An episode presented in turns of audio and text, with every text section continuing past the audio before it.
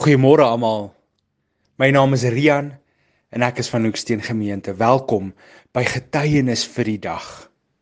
Baie geluk aan almal wat vandag verjaar en 'n huweliksherdenking vier. Maar ek bid God se rykste seën oor jou en jou familie.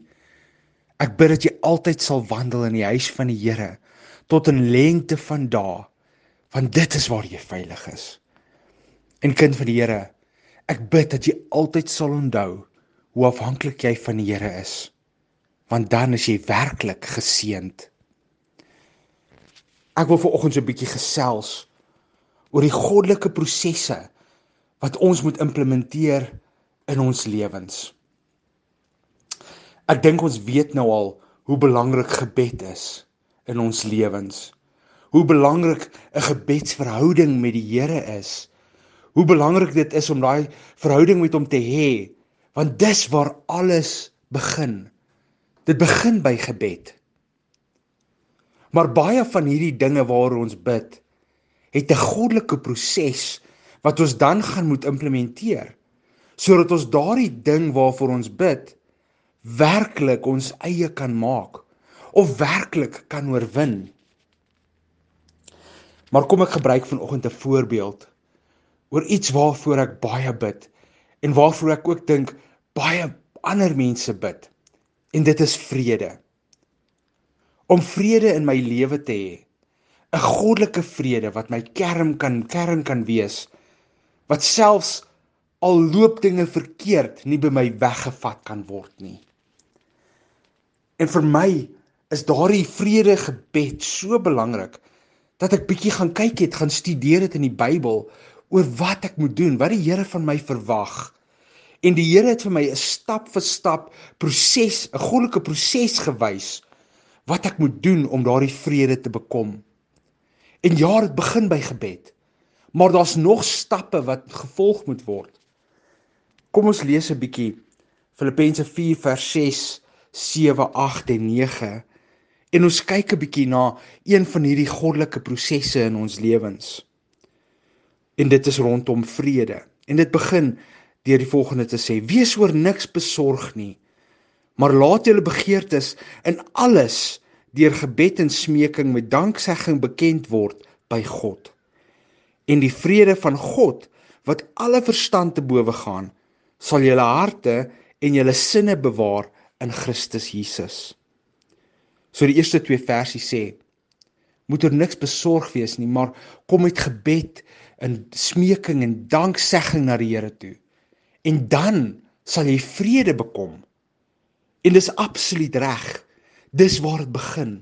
Dit begin by gebed. Maar kinders van die Here, versie 8 begin met die woord verder.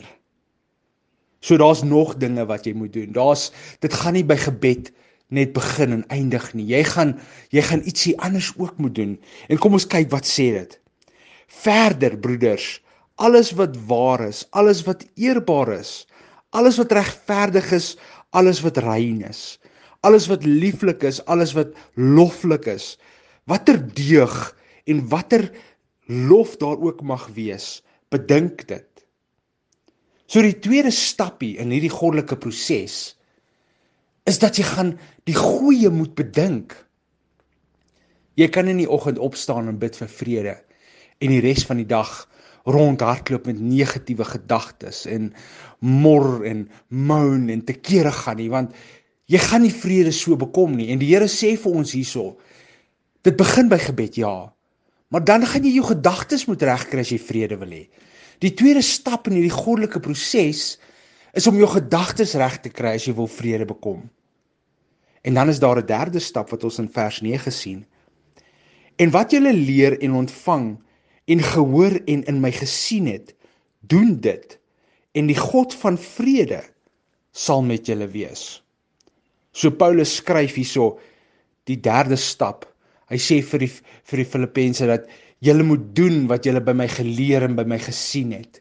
Daardie dinge wat die Here my leer in die Bybel om te doen. Dit is wat ek in my lewe doen en dit is wat julle gaan moet doen om vrede te hê. Julle gaan al daai dinge, jy gaan vrede moet doen. Jy gaan nie net oor vrede kan praat nie. Jy gaan dit moet doen om dit te kan kry. So kinders van die Here, wat ek sê is Daar's 'n goddelike proses om vrede te bekom. En dit is dit begin by gebed. Dan moet jy tweedens moet jy jou gedagtes regkry en derdens moet jy vrede doen. En dit is die wat die Bybel ons leer wat die goddelike proses is rondom vrede. So kinders van die Here, wat ek ver oggend vir ons sê, is dat gebed is waar alles begin. Maar jy kan nie net by gebed begin en eindig nie. Wanneer jy bid oor 'n saak, moet jy seker maak dit bly nie net daar nie, maar dat jy ook in God se woord 'n studie doen daaroor. En dan gaan jy moet implementeer wat die Here vir jou sê, sodat jy wel daardie aspek kan oorwin of jou eie maak in jou lewe, soos wat vrede dan kan wees. Kinders vir Here, wat ek sê is Jy kan nie vir een ding bid en dan jou eie kop volg oor hoe om dit te verkry nie.